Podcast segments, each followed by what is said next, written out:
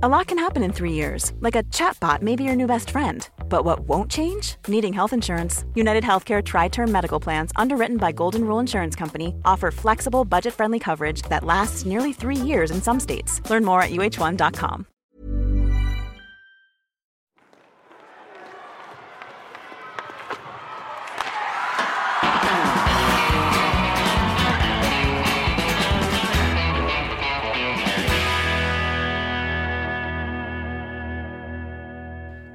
Då hälsar vi hjärtligt välkomna till den hockeyallsvenska studion här på Sportbladet. Eh, Jag heter precis som förra veckan Mikael Ljungberg och med mig i studion har jag precis som förra veckan Jonathan Gruvan Nilsson.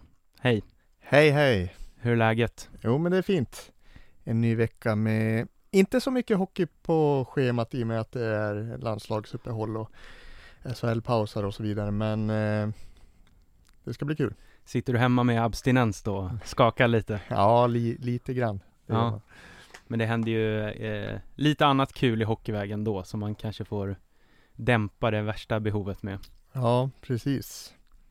Eh, vi ska ju eh, i alla fall prata om Hockeyallsvenskan som eh, Eh, den gångna veckan som har varit eh, och där har det varit full rulle. Det har varit eh, två fulla omgångar och nästan en halv omgång i, eller det var väl en halv omgång i, i söndags och sådär. Så det finns en hel del matcher att prata om.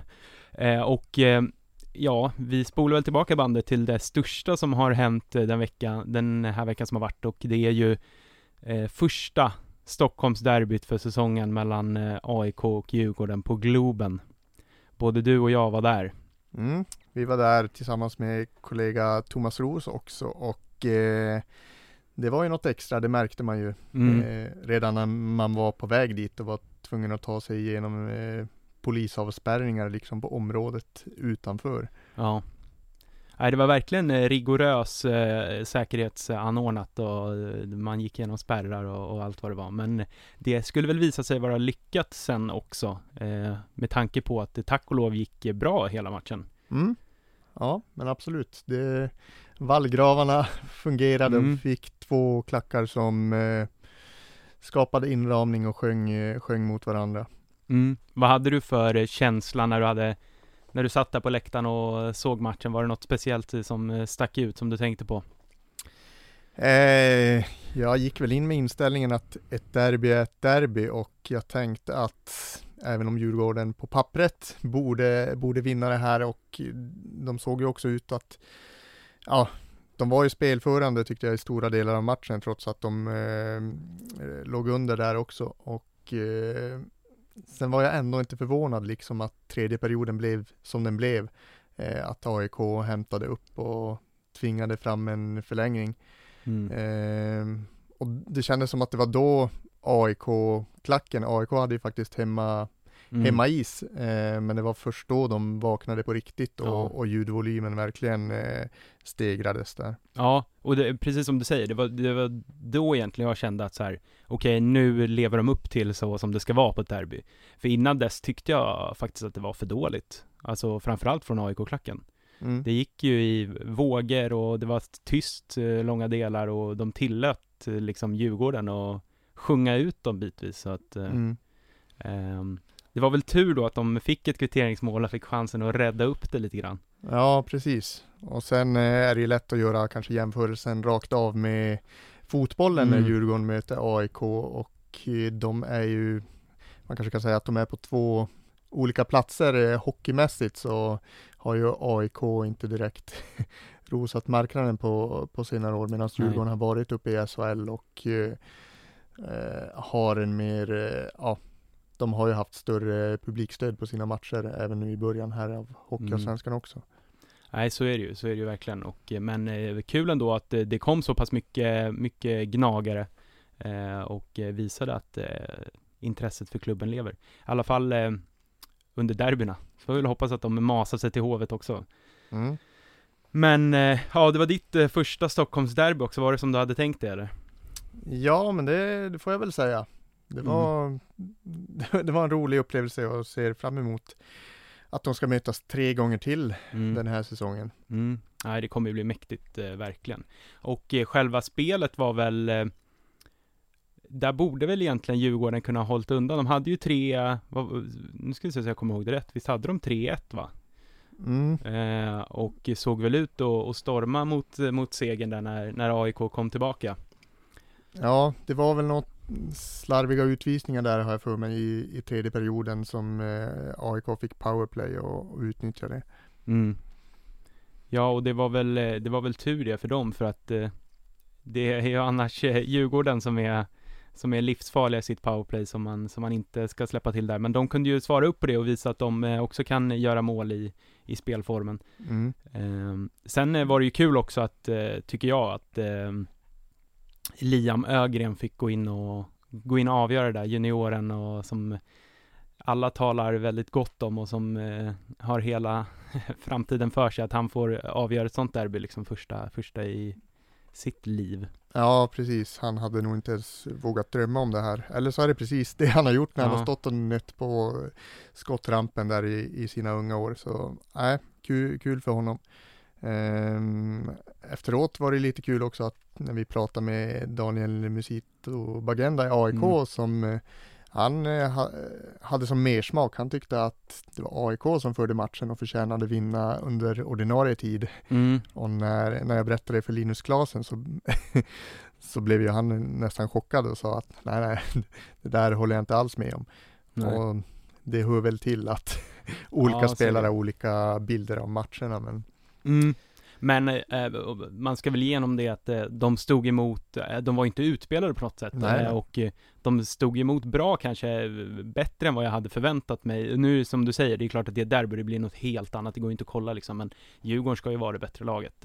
I alla fall, ja men se- sett till vilka de har på line-upen och vilk, hur de har spelat inledningsvis jämfört med AIK. Så att, mm. Men det är ju kul eh, att det är avhandlat det här första, första derbyt och eh, det kanske blev eh, ja, rättvist resultat eh, ändå tycker jag med två poäng till Djurgården, ett till, ett till AIK. Mm. Ja, men det håller jag med om. Eh, Linus Klasen fick ju göra sitt första mål också. Mm.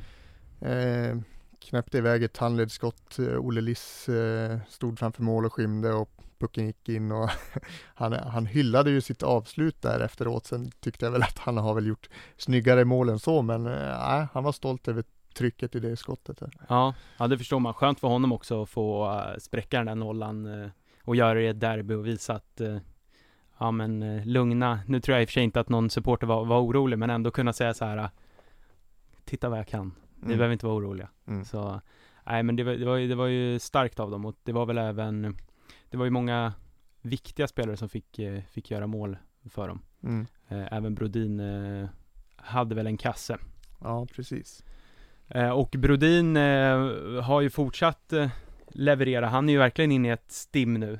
Han har gjort tre mål på, på tre matcher här för, för Djurgården och har väl stuckit ut och, och visat hur, hur viktig han kommer att bli också framöver. Och dessutom Klasen också som har fortsatt, fortsatt leverera efter det. Gjorde mål här mot, eh, mot Västervik i söndags när de eh, svarade för en, en stark vändning. Mm. Eh, vi, jag tänker att vi, kan, vi, vi avhandlar väl Djurgården här kanske som veckan som har varit för Djurgården utöver derbyt.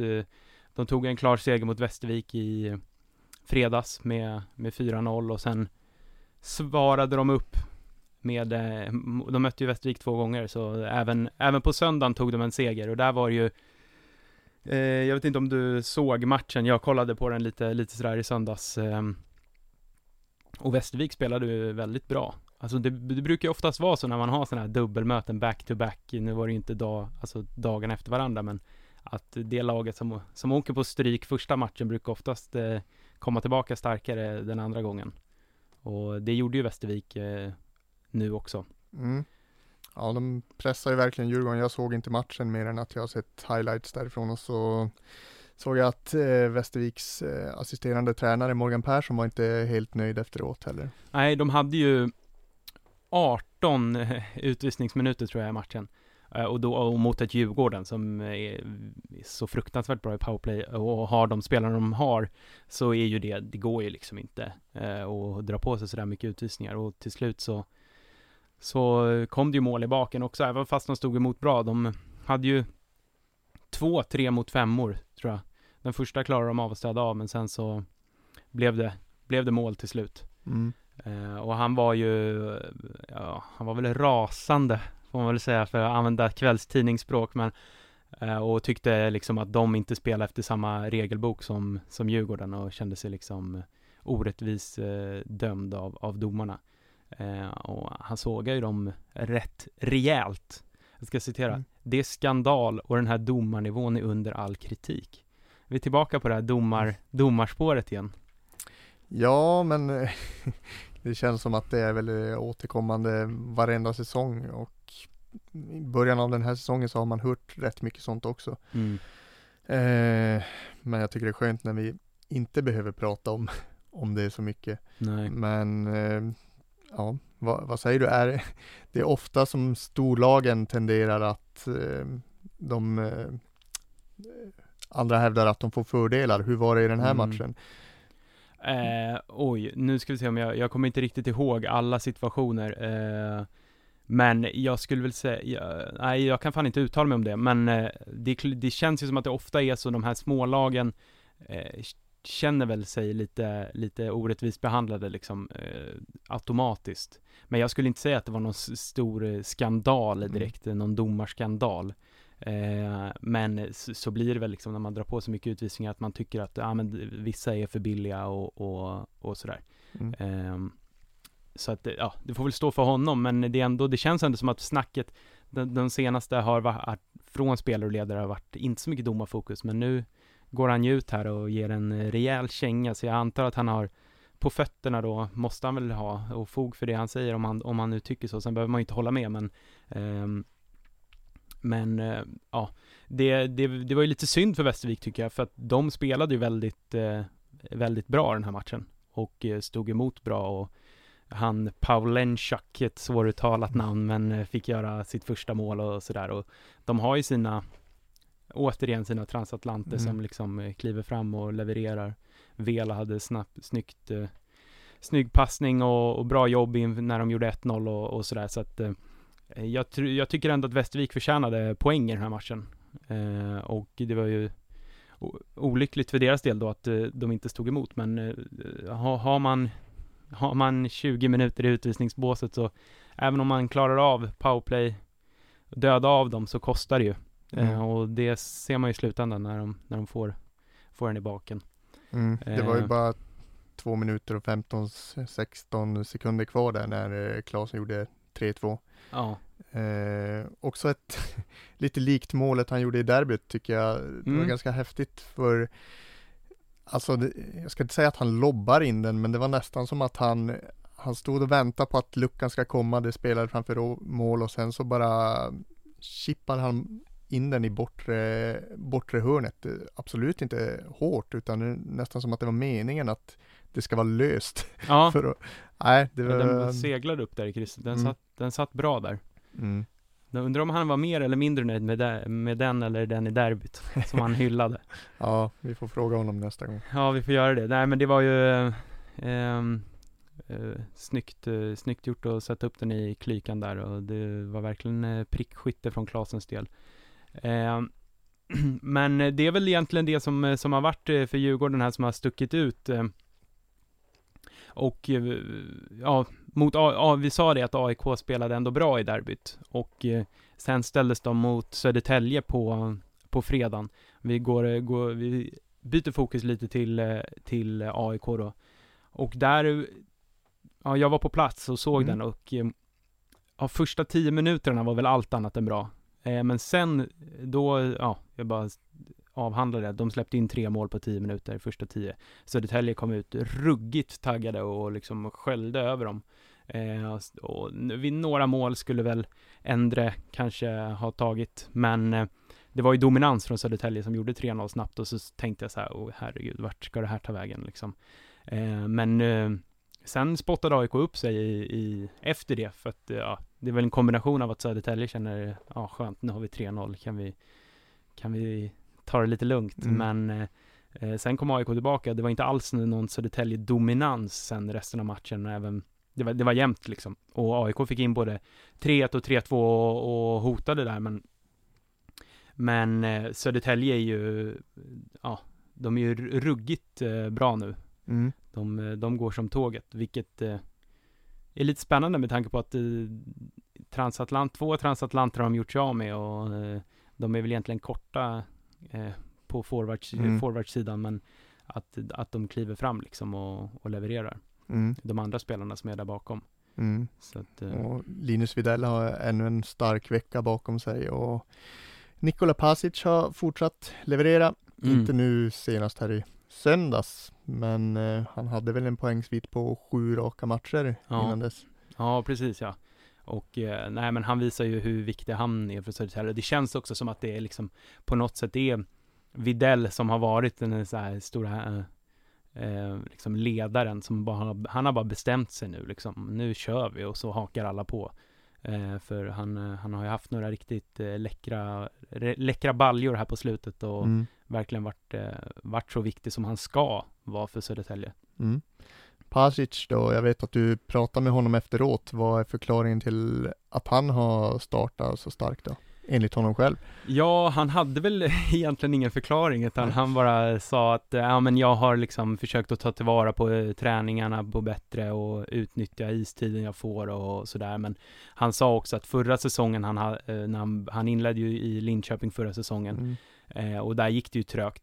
Ett Linköping som gick dåligt i början då också när han var där och sen så bytte han till Södertälje och de gick det inte heller speciellt kul för.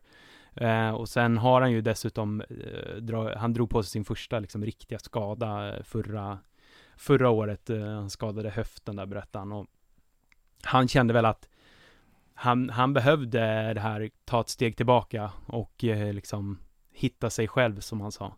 Mm. Eh, för att liksom växla upp igen. För det var ju nog många som trodde att han skulle slå sig in i SHL när han var i Linköping där redan i fjol.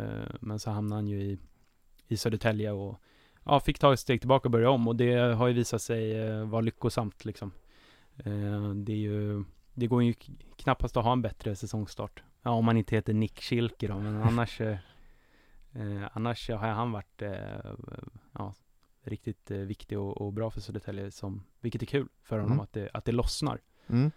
Jag bevakar mycket juniorhockey, jag jobbade på en sajt som heter Hockeymagasinet för, för en fyra, fyra år sedan eller någonting Mm. när Pasic då var junior och eh, bofast i juniorlandslaget och så vidare och eh, såg mycket J20-hockey och där stack han ju verkligen ut och tänkte att det här kommer bli en riktig attraktion att, att följa i SHL.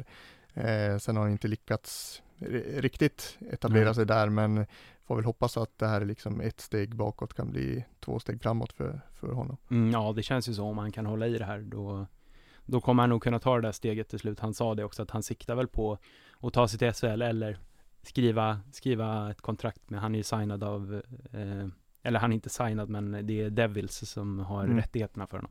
Så han hoppas väl kanske kunna signa något där, det var sista året nu eh, som de har dem. Så får vi väl se vart, eh, vart han tar vägen, men eh, det är ju inte osannolikt att han spelar i SHL nästa säsong. Nej. Men det som jag tänkte på un under den här eh, matchen då med, nu har vi pratat eh, SSK, men om vi riktar fokus till AIK, är att det var ju en mardrömskväll för Claes Endre. Som kom in och har spelat, han har inte spelat, de har väl delat lite på, på eh, ja, matcherna, han och Niklas Lundström, men Mm. kommer han in och släpper tre mål efter tio minuter och blir, blir utbytt ja, efter, i första perioden och sen så kliver Lundström in och håller nollan. Det måste ju vara en eh, total mardröm för, för en spelare som Endre. Ja, han har ju inte, det var ju toksuccé i AIK Mm. för förra säsongen då, vilket ledde till att han eh, skrev på för Björklöven och då tänkte man ju att nu fortsätter han så här, då, då kommer han spela i SHL eh, nästa säsong, oavsett Mm. om det blir med Björklöven eller att han plockas upp av något annat lag. Mm. Eh, men sen eh, fick han ju ingen pangsäsong där heller och eh, Jona Voutilainen stod ju när det var som allra viktigast i, i slutspelet och så vände hem till AIK och eh, na, tuff, tuff start i återkomsten. Ja, verkligen. Och han har ju haft, eh, åt, han är 87 procent i så här långt och det är ju, det är ju för dåligt. Mm. Eh, för eh, han är väl en spelare som jag tänker i alla fall ska, ska kunna vara betydligt mycket bättre än så. Han ska väl kunna vara i, i topp i målvaktsligan eh, ligan liksom. Och eh, nu har ju inte Lundström varit speciellt bättre heller. Han, eh, han ligger strax under 90 också i räddningsprocent. Så att det är ju, målvakterna där är ju Ja, de har inte varit tillräckligt bra. Nej. Men sen kan man också fråga sig vad de, vad de har fått för hjälp eh, och sådär. Så eh, jag pratade med Kristoffer Malm som är sportchef i, i AIK. Han tycker liksom att de släpper till för alldeles för mycket farliga eh, lägen liksom och för mycket öppna lägen i slottet och sådär. Så att Mm. då är det ju inte lätt heller att, att vara målvakt eh, när, man, när man får det där emot sig. Nej. Eh, och sen eh, framåt, jag vet inte vad, har du något intryck av Gynge så här långt? Ja, han har väl kommit igång produktionsmässigt lite Mm. i alla fall, eh, men eh, jag trodde ju absolut att han skulle vara mer dominant med tanke på hur bra han var i SHL bara för eh, Mm. förra säsongen.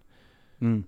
Ja, nej, Mm. verkligen. Och det pratades ju om att han, ja men det här, han kommer vinna poängligan liksom och kommer göra hur mycket poäng som helst. Nu har han gjort nio och det är väl inte katastrof. Men jag tycker att han är alldeles för osynlig. Mm. Han liksom eh, leder inte det här AIK så som man ska göra på något sätt. Jag tycker, min bild var i alla fall att så här, det är Gynge som kommer leda det här AIK. Han kommer synas och han kommer liksom eh, ta st- striderna där ute på isen liksom och, och, och vara den som leder AIK framåt. Men där tycker jag att han har varit för osynlig. Ja, då är det väl en, en annan återvändare, mm, Daniel Musito Mm. Bagenda, som, eh, som eh, kanske inte känns som någon poängspruta riktigt, men, men han har tagit och, och Mm. drivit laget i större utsträckning. Ja, och jag tycker också att han syns mer Mm. på isen.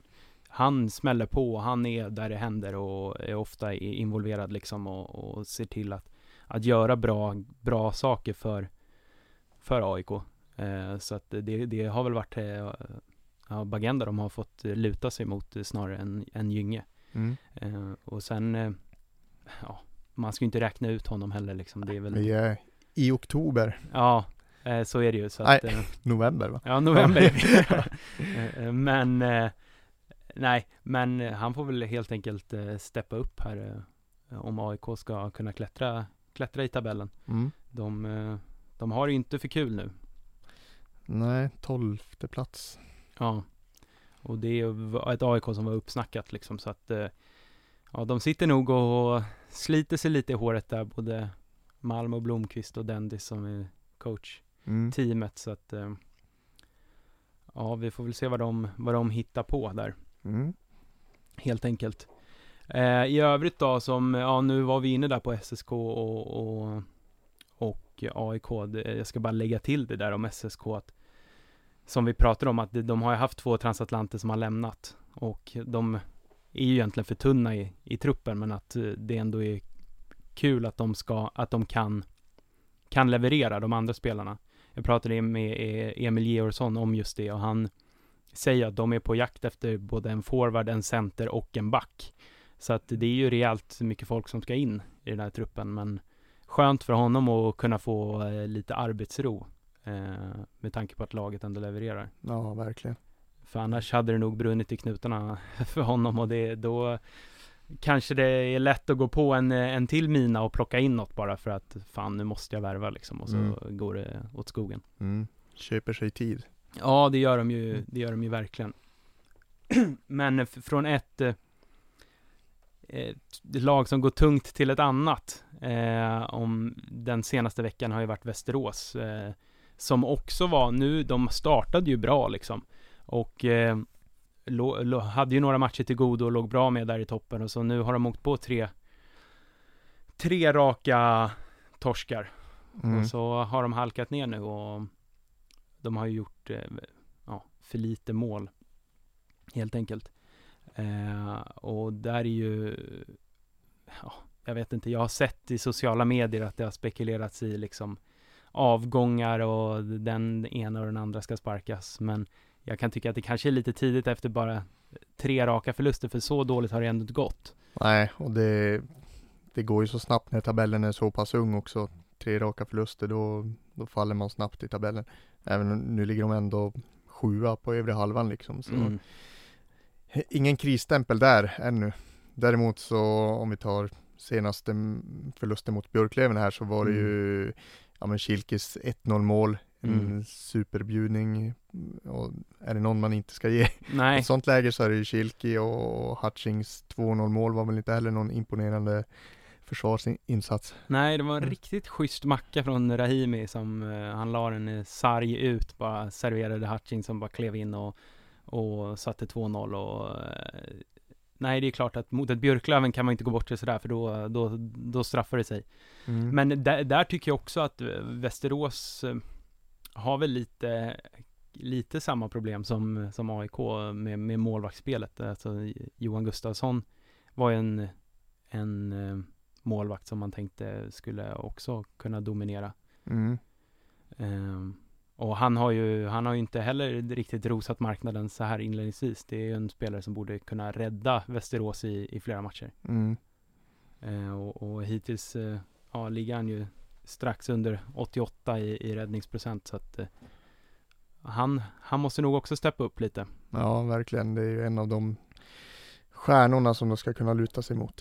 Mm, verkligen. Och där ska man ju säga att eh, det ung, ungtuppen Ian Blomqvist har ju, när han, för Gustafsson blev ju utbytt här senast. Mm. Och, och Blomqvist kom in och gjorde det bra. Han har ju, nu har inte han stått lika många matcher och sådär, men, men han har ju ändå visat, eh, visat vad han kan.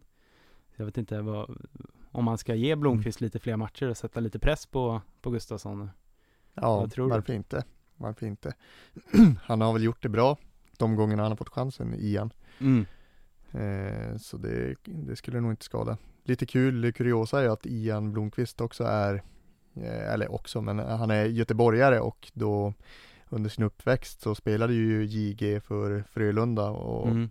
Eh, när Frölunda tog var det två SM-guld där eh, och då stod han på läktaren och hade Johan Gustafsson som, eh, som en av sina idoler då. Så Mm.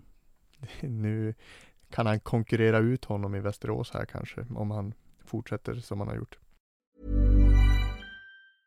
Normally, being a little extra might be a bit much, but not when it comes to healthcare. That's why United Healthcare's Health Protector Guard fixed indemnity insurance plans, underwritten by Golden Rule Insurance Company, supplement your primary plan so you manage out of pocket costs. Learn more at uh1.com.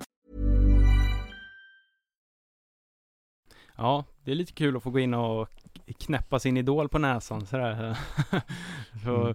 Eh, nej men det, det kanske är en väg att gå och ge han, eh, ge han chansen lite mer så att, eh, Mm. så att han rycker upp sig. Men sen Mm. eh, har ju Västerås också, nu har de ju åkt på en skada här på Mikael Frycklund som ja, men var en av seriens absolut bästa centrar i fjol. Mm. Eh, och är ju oerhört viktig för, för Västerås. Ja, om vi snackar MVPs i olika lag så åtminstone förra säsongen så var ju verkligen Frycklund en Ja.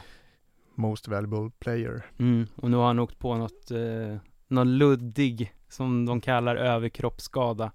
Eh, och missade ju alla tre matcherna den här veckan och ja, då åker de på tre förluster. Mm. Eh, och det visar väl hur, hur viktig, det kanske inte enbart går att tillskriva honom, men ändå att eh, han är viktig för, för Västerås. Så att eh, det är viktigt att han håller sig frisk. Mm. Eh, verkligen.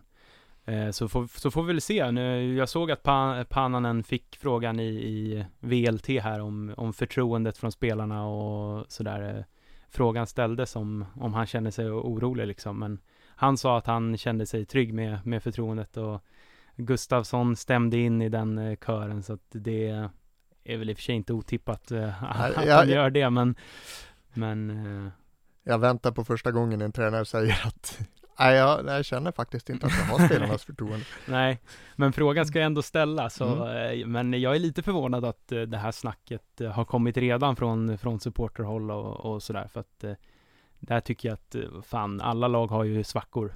Och Västerås har sin nu med en av sina bästa spelare borta. Då kanske det inte är så konstigt liksom. Så att, eh, nej, det, jag är inte alltför orolig för Västerås ändå. Det känns som de ska kunna reda ut det här. Ja, och jag tror, jag tror att JG Johan Gustafsson kommer eh, studsa tillbaka och vara första målvakt resten av den här säsongen också. Mm. Men eh, det är väl upp till bevis.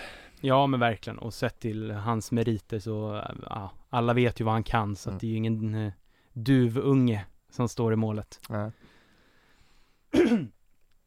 Och eh, ja, vi fortsätter väl på det tunga spåret då tänker jag när vi går vidare. Eh, för om, vi, om det inte är kris i Västerås så är det ju definitivt kris i Almtuna just nu. Mm. Eh, som har åtta raka förluster. Ja, Inte ett enda poäng har de tagit på åtta matcher. Eh, och det är ju verkligen, eh, där snackar vi kris. ja, det går inte att snacka bort. Nej, och det är ju en eh, En klubb heller som inte har kanske så mycket möjligheter att rätta till spelarmässigt under säsong. Eh, och, och plocka in stjärnor eh, som, kan, som kan rädda dem, utan de har det spelarmaterialet de har. Mm. Eh, och så får de försöka lösa det. Eh, men det är ju spännande att se vad, vad, hur de ska lösa det här. Nu är ju i och för sig inte Almtuna något tilltänkt topplag. Nej, jag, Eh, jag tror att jag tippade dem allra sist faktiskt. Eh, Östersund undvek jumboplatsen och Almtuna fick den inför säsongen. Mm. Eh, Där var du väl rätt på det. Ja, nu är det länge kvar, men det, då ska man ju betänka att de inledde ju dessutom bra och tog, tog en del av poäng i början. Eh, men nu är det rakt ner i källan. Ja. Ja, jag vet inte riktigt eh, vad som har hänt där. De har ju, eh, som jag sa, de har ingen möjlighet att, att värva och de sitter eh, tryggt med den truppen de har enligt eh, Tony Mårtensson. Men de har ju ändå, deras sista hopp kanske är ju att eh, Niklas Danielsson tränar med dem just nu. Mhm, Mm. Eh, och eh, han, ja, snacket är väl att han siktar på att hitta någon, någonting utomlands. Men eh, att ja, såklart, Almtuna har ju visat sitt intresse och det skulle ju kunna vara en sån spelare som skulle kunna vända på, på den här krisen eh, för dem. Eh, så eh, Mårtensson har sagt att om han skulle kunna tänka sig att spela med Almtuna så ska de göra allt de kan för att lösa det liksom. Mm. Det är väl in- inte en, en billig spelare direkt för, för Almtuna, men eh, det är en sån som kan bli riktigt eh, viktig för dem. Mm. Sen får man väl se hur reellt det är att eh, de skulle kunna plocka in en sån, sån eh, lirare, men låt säga att han tränar på här nu och inte hittar något i utlandet. Då är det ju inte omöjligt att han eh, nöjer sig med Almtuna. Nej, precis. Sen eh, har de väl ett drag ut, utanför isen också Ja, på Eh, gång. eh, Flera olika höll jag på att säga. Ja, men- ja. Berätta. Eh, men jag läste i UNT här att eh, ja, nu har inte klubben eh, sträckt ut en hand, men eh, han har sträckt ut sin hand. Det är en mental coach som, ja, som jag förstod det, via UNT då har erbjudit sina tjänster. Han heter B. Robert Andersson. Och han var och hjälpte Timrå inför kvalet eh, i fjol, när, de, eh, när de mötte Djurgården. Det gick ju bra. Det gick ju bra, ja exakt. Och han ska då ha liksom erbjudit sina tjänster via UNT. Eh, så eh, vi får väl se om klubben agerar på det. Ja. Det känns eh, tidigt att ta in mentala coacher, jag vet inte. Kanske alltid behövs. ja, jo. Det, generellt så tror jag absolut att det är viktigt. Sen är det väl en eh, resursfråga också, men eh, att ta in det efter eh, 16 spelade omgångar då, ja, men är det någon gång det är befogat så är det kanske efter åtta raka förluster. Mm. Ja, men då, då, är det, då är det som att klubben erkänner sin kris. om de eh, tar in mentala coacher. Jag vet i och för sig inte hur det ser ut, hur lagen gör om de har eh, mentala coacher under, under seriespel sådär. Eh, SHL-lagen kanske har det, men jag tror inte att det är så vanligt i Hockeyallsvenskan. Det är i och för sig bara en gissning för mig, jag har ingen aning. Men något som de i alla fall har gjort är att de har satt ihop ett resursråd, som de kallar det. Och Mm. då är det, och det är oklart vad de här, det här resursrådet ska göra, men de har tillfrågat tio personer som på olika sätt kan hjälpa eh, Almtuna i liksom, ja, med sitt spel och, och hur de ska eh, ta sig framåt och vinna matcher då. Eh, och de har frågat tio personer och alla har sagt ja till att, till att hjälpa dem. Sen får man se exakt vad det är de ska göra, men eh, ja, det är bland annat Klas-Göran, Myggan Wallin, Thomas Rundqvist och Sven-Åke Svensson, tre av de här tio som, som ska hjälpa till på olika sätt och det är ju, en, eh, vad säger man, de har en, en stor meritlista de här personerna så att eh, där, därifrån kanske Almtuna kan plocka någonting viktigt. Mm. Ja, hockeykunskap finns ju i de här gubbarna du nämnde i alla fall. Ja, Ja, men verkligen. Så att eh, det känns ju ändå som att Almtuna känner att Nej, nu måste vi börja göra något här och vända på stenarna för att se, se vad, vad de kan göra för att, för att reda ut det här. Jag såg också att assisterande tränare Anders Ström där hade, ja, han, han och Robert Kimby, eller han tog på sig eh, resultatet tillsammans med, med Kimby och sa att det, det är liksom vi, vi tränare som måste reda ut det här sådär. Mm. Vilket, eh, ja, det är väl också något som, precis som alla säger att de har Mm. förtroende så säger väl i stort sett alla att eh, det är jag som tränare som är ansvarig. Mm. Men Kimby kom ju, om jag minns rätt, i den här eh, Hockeyallsvenska enkäten eh, Mm. som, som du genomförde med alla klubbar eh, och spelarna själva då fick svara på vem som är seriens bästa tränare. Där placerar han sig ju väldigt högt. Ja, jag tror han låg typ fyra eller, eller femma eller något sånt där.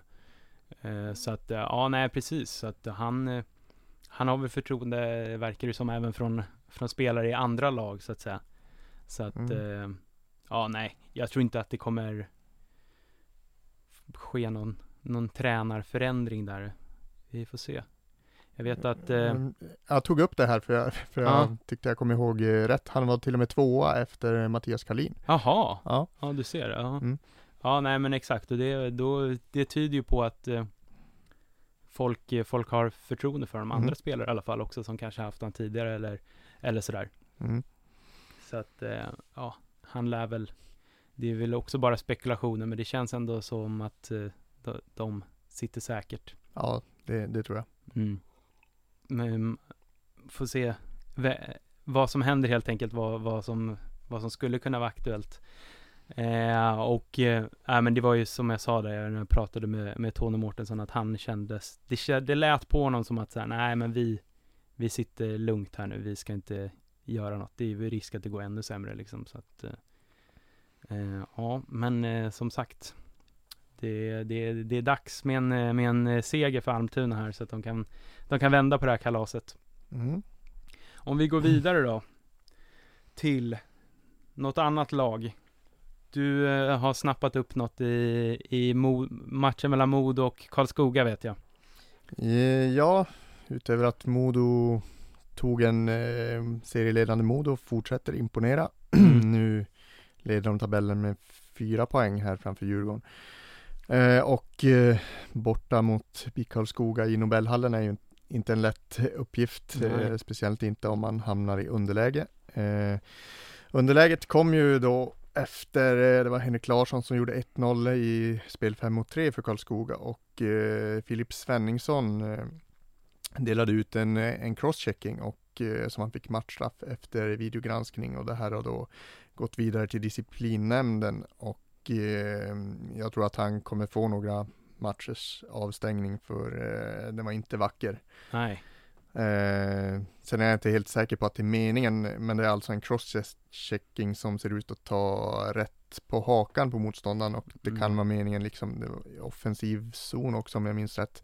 Så det kan ju vara meningen att han tänkte stöta bort honom liksom i, i bröstet, men det blev en crosschecking med Mm. raka armar mot, eh, mot ansiktet. Så en två, tre matcher där skulle inte alls förvåna mig om han får. Nej, och det ser ju inte heller ut som att det är liksom i, i en kampsituation riktigt, för han tappar Mm. ju balansen och sen reser sig upp och trycker till. Mm. Sen tror jag inte att någon medvetet crosscheckar någon i ansiktet. Det var väl att den Mm. Flög upp högre än man hade tänkt sig, men det var ändå en medveten rörelse. Mm. Så att, eh, Ja, Den, är, den är svår att förklara bort känner jag. ja, nej precis. Nej, så det, det kan nog bli en avstängning där och vänta. Det är alltid kul tycker jag när de här besluten kommer, när man kan läsa spelarnas eh, försvar. Mm. Det är ofta mycket roliga bortförklaringar och sånt. Sen vet man, ska jag inte säga att, att det är lögn, men jag vet att när Daniel Brodin fick eh, böter för att han inte hade haft något halsskydd, då skrev han att eh, han hade tagit av sig allting i, i periodpaus och så hade hans halsskydd fastnat i en springa i eh, omklädningsrummet. Så, eh, och eh, liksom gömt sig, så han hittade det inte när han skulle gå ut och spela igen. ja, man undrar ju vad eh, disciplinen tar för hänsyn till, Ja, till det i sin dom. Men eh, kul info för oss som lusläser domarna. ja nej, men, men alla försöker väl bra, utom de dåliga kanske. Mm. Men eh, det, det räckte inte den gången, så vi får väl se vad Svenningsson hittar på då för att komma undan, om Mm. man nu kan göra det. Mm. Och eh, ja, vi, vi fortsätter väl framåt här och, och, och avhandlar andra händelser som har hänt. Eh, om vi stannar till lite vid, eh, vid Mora. Eh, Mm. Som har varit ett lag som har blandat och gett lite här i inledningen av säsongen och eh, det stora frågetecknet har väl egentligen varit vad som hände med Johan Persson. Eh, fjolårets skyttekung eh, som, eh, han gjorde väl 29 baljer i, i fjol tror jag, som har stått och stampat här inledningsvis. Och eh, det har väl varit lite oroligheter kring hur, vad ska hända med Persson? Mm. Och eh, vissa har sagt att liksom, det är, han kommer komma igång så här, ta det, ta det bara lugnt. Och eh, det har han ju gjort nu också. Han har börjat göra sina mål. Eh, han har gjort tre mål på de tre senaste matcherna och det är ju såklart eh, oerhört viktigt för, eh, för Mora. Eh, han är ju han är ju den som ska leda det här laget tillsammans Mhm. med Ljunggren och, och Karlsson då i, i första, första linan. Och där är det också, jag jag såg eh, några matcher med Mora här i in, början av säsongen och då kom han till vissa lägen som var eh, så här, ja i fjol hade ju Persson bara stängt in de där. Men det ville sig inte. Eh, medan han nu, man har en helt annan liksom tryck i avsluten. Han vet vart han ska sätta de där puckarna och, och stänker in dem. Ingen ström i klubban längre. Nej, precis. Så sin, sin vana trogen har han börjat eh, göra de där målen. Och eh, samtidigt som, som passningsgeniet eh, Daniel Ljunggren har, han har också börjat göra mål. Ja. Så att han kanske ville by- byta roller här. Persson får Ja. börja passa och Ljunggren får börja skjuta.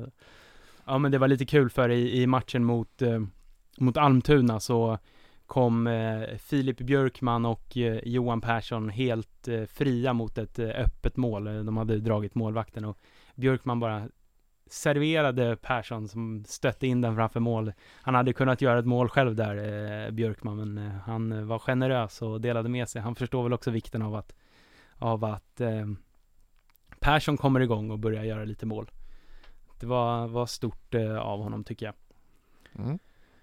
Eh, och det är väl egentligen det som har varit det stora kring, kring Mora. Det är deras, eh, deras stora målskyttar börjar, börjar komma igång med Ljunggren och Persson. Men det jag kan tycka saknas i Mora är ju den här, ja nu är ju Persson en absolut spets, men om man tittar på eh, transatlanterna till exempel så eh, Ja, Pa- Patrick Harper som var, var ett av, av nyförvärven inför år, han är ju bänkad och får inte spela någonting så att eh, det är väl egentligen där som, eh, som Mora ligger, ligger efter lite jämfört med lagen ovanför. Så att de behöver några sådana här riktigt vassa, eh, vassa transatlanter. Mm.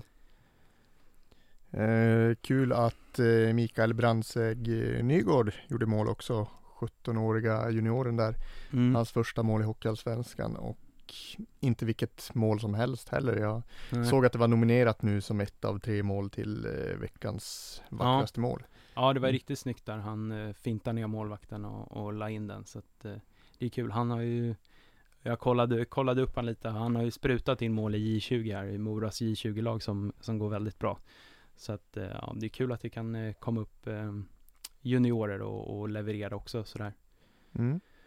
Eh, och eh, vi ska väl avsluta med här bara en liten eh, kuriosa höll jag på att säga. Det är det väl inte heller riktigt, men du noterade att i Djurgården, eh, det, du har, det är en spelare som är, är med och, och tränar.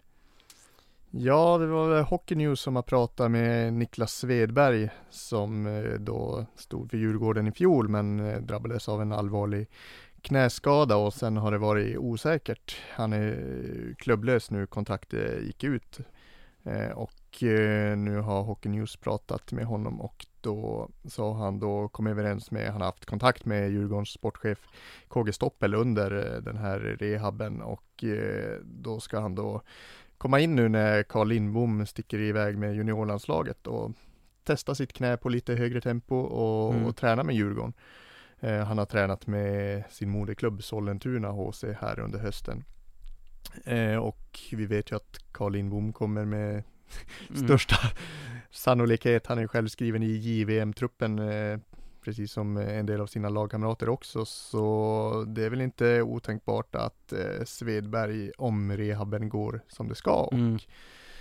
eh, han är redo att spela, att han kanske förstärker Djurgården under, eh, under jul och nyår då. Och eh, det, det är en spännande spelare som eh, alltså håller ju SHL-klass. Mm. Eh, sen har ju Carl Lindbom spelat så himla bra så jag ser ju honom som gjuten första målvakt eh, oavsett just nu men Mm.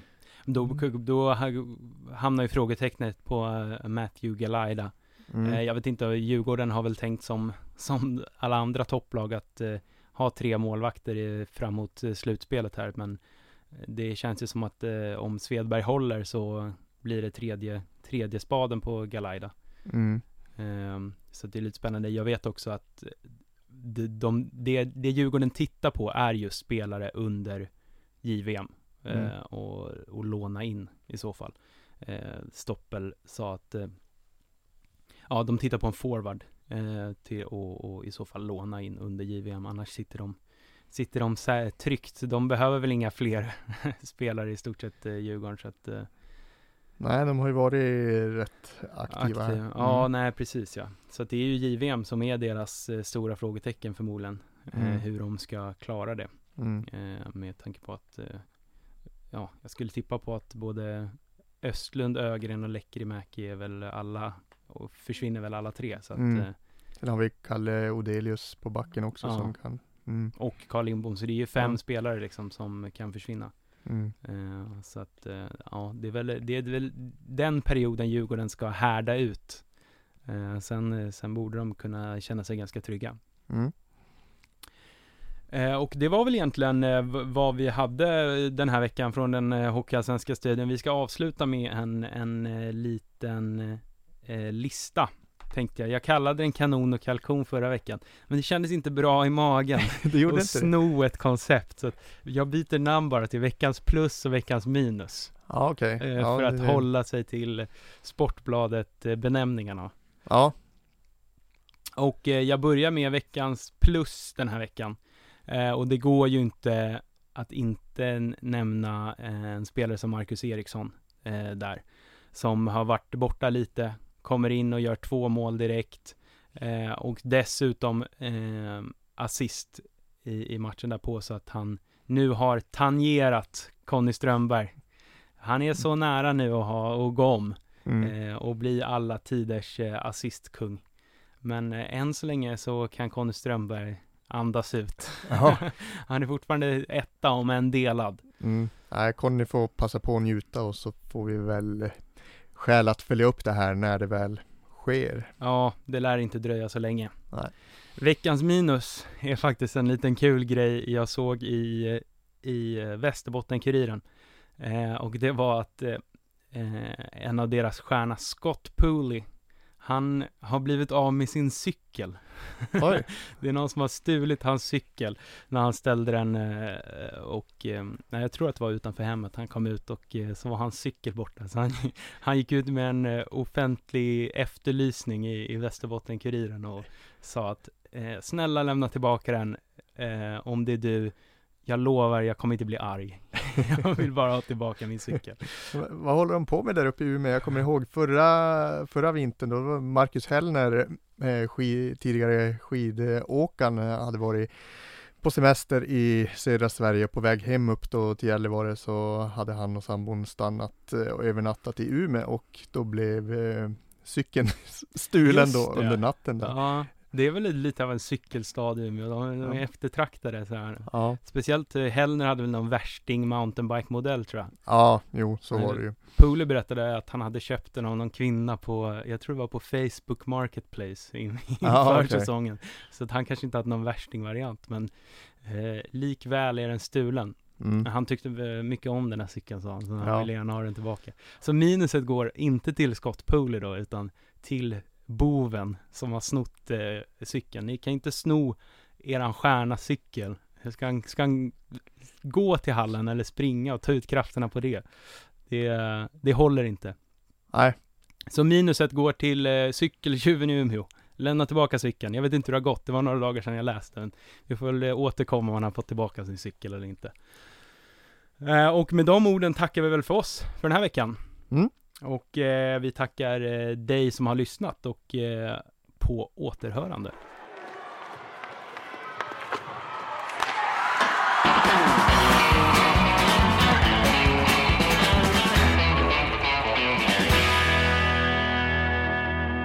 Du har lyssnat på en podcast från Aftonbladet.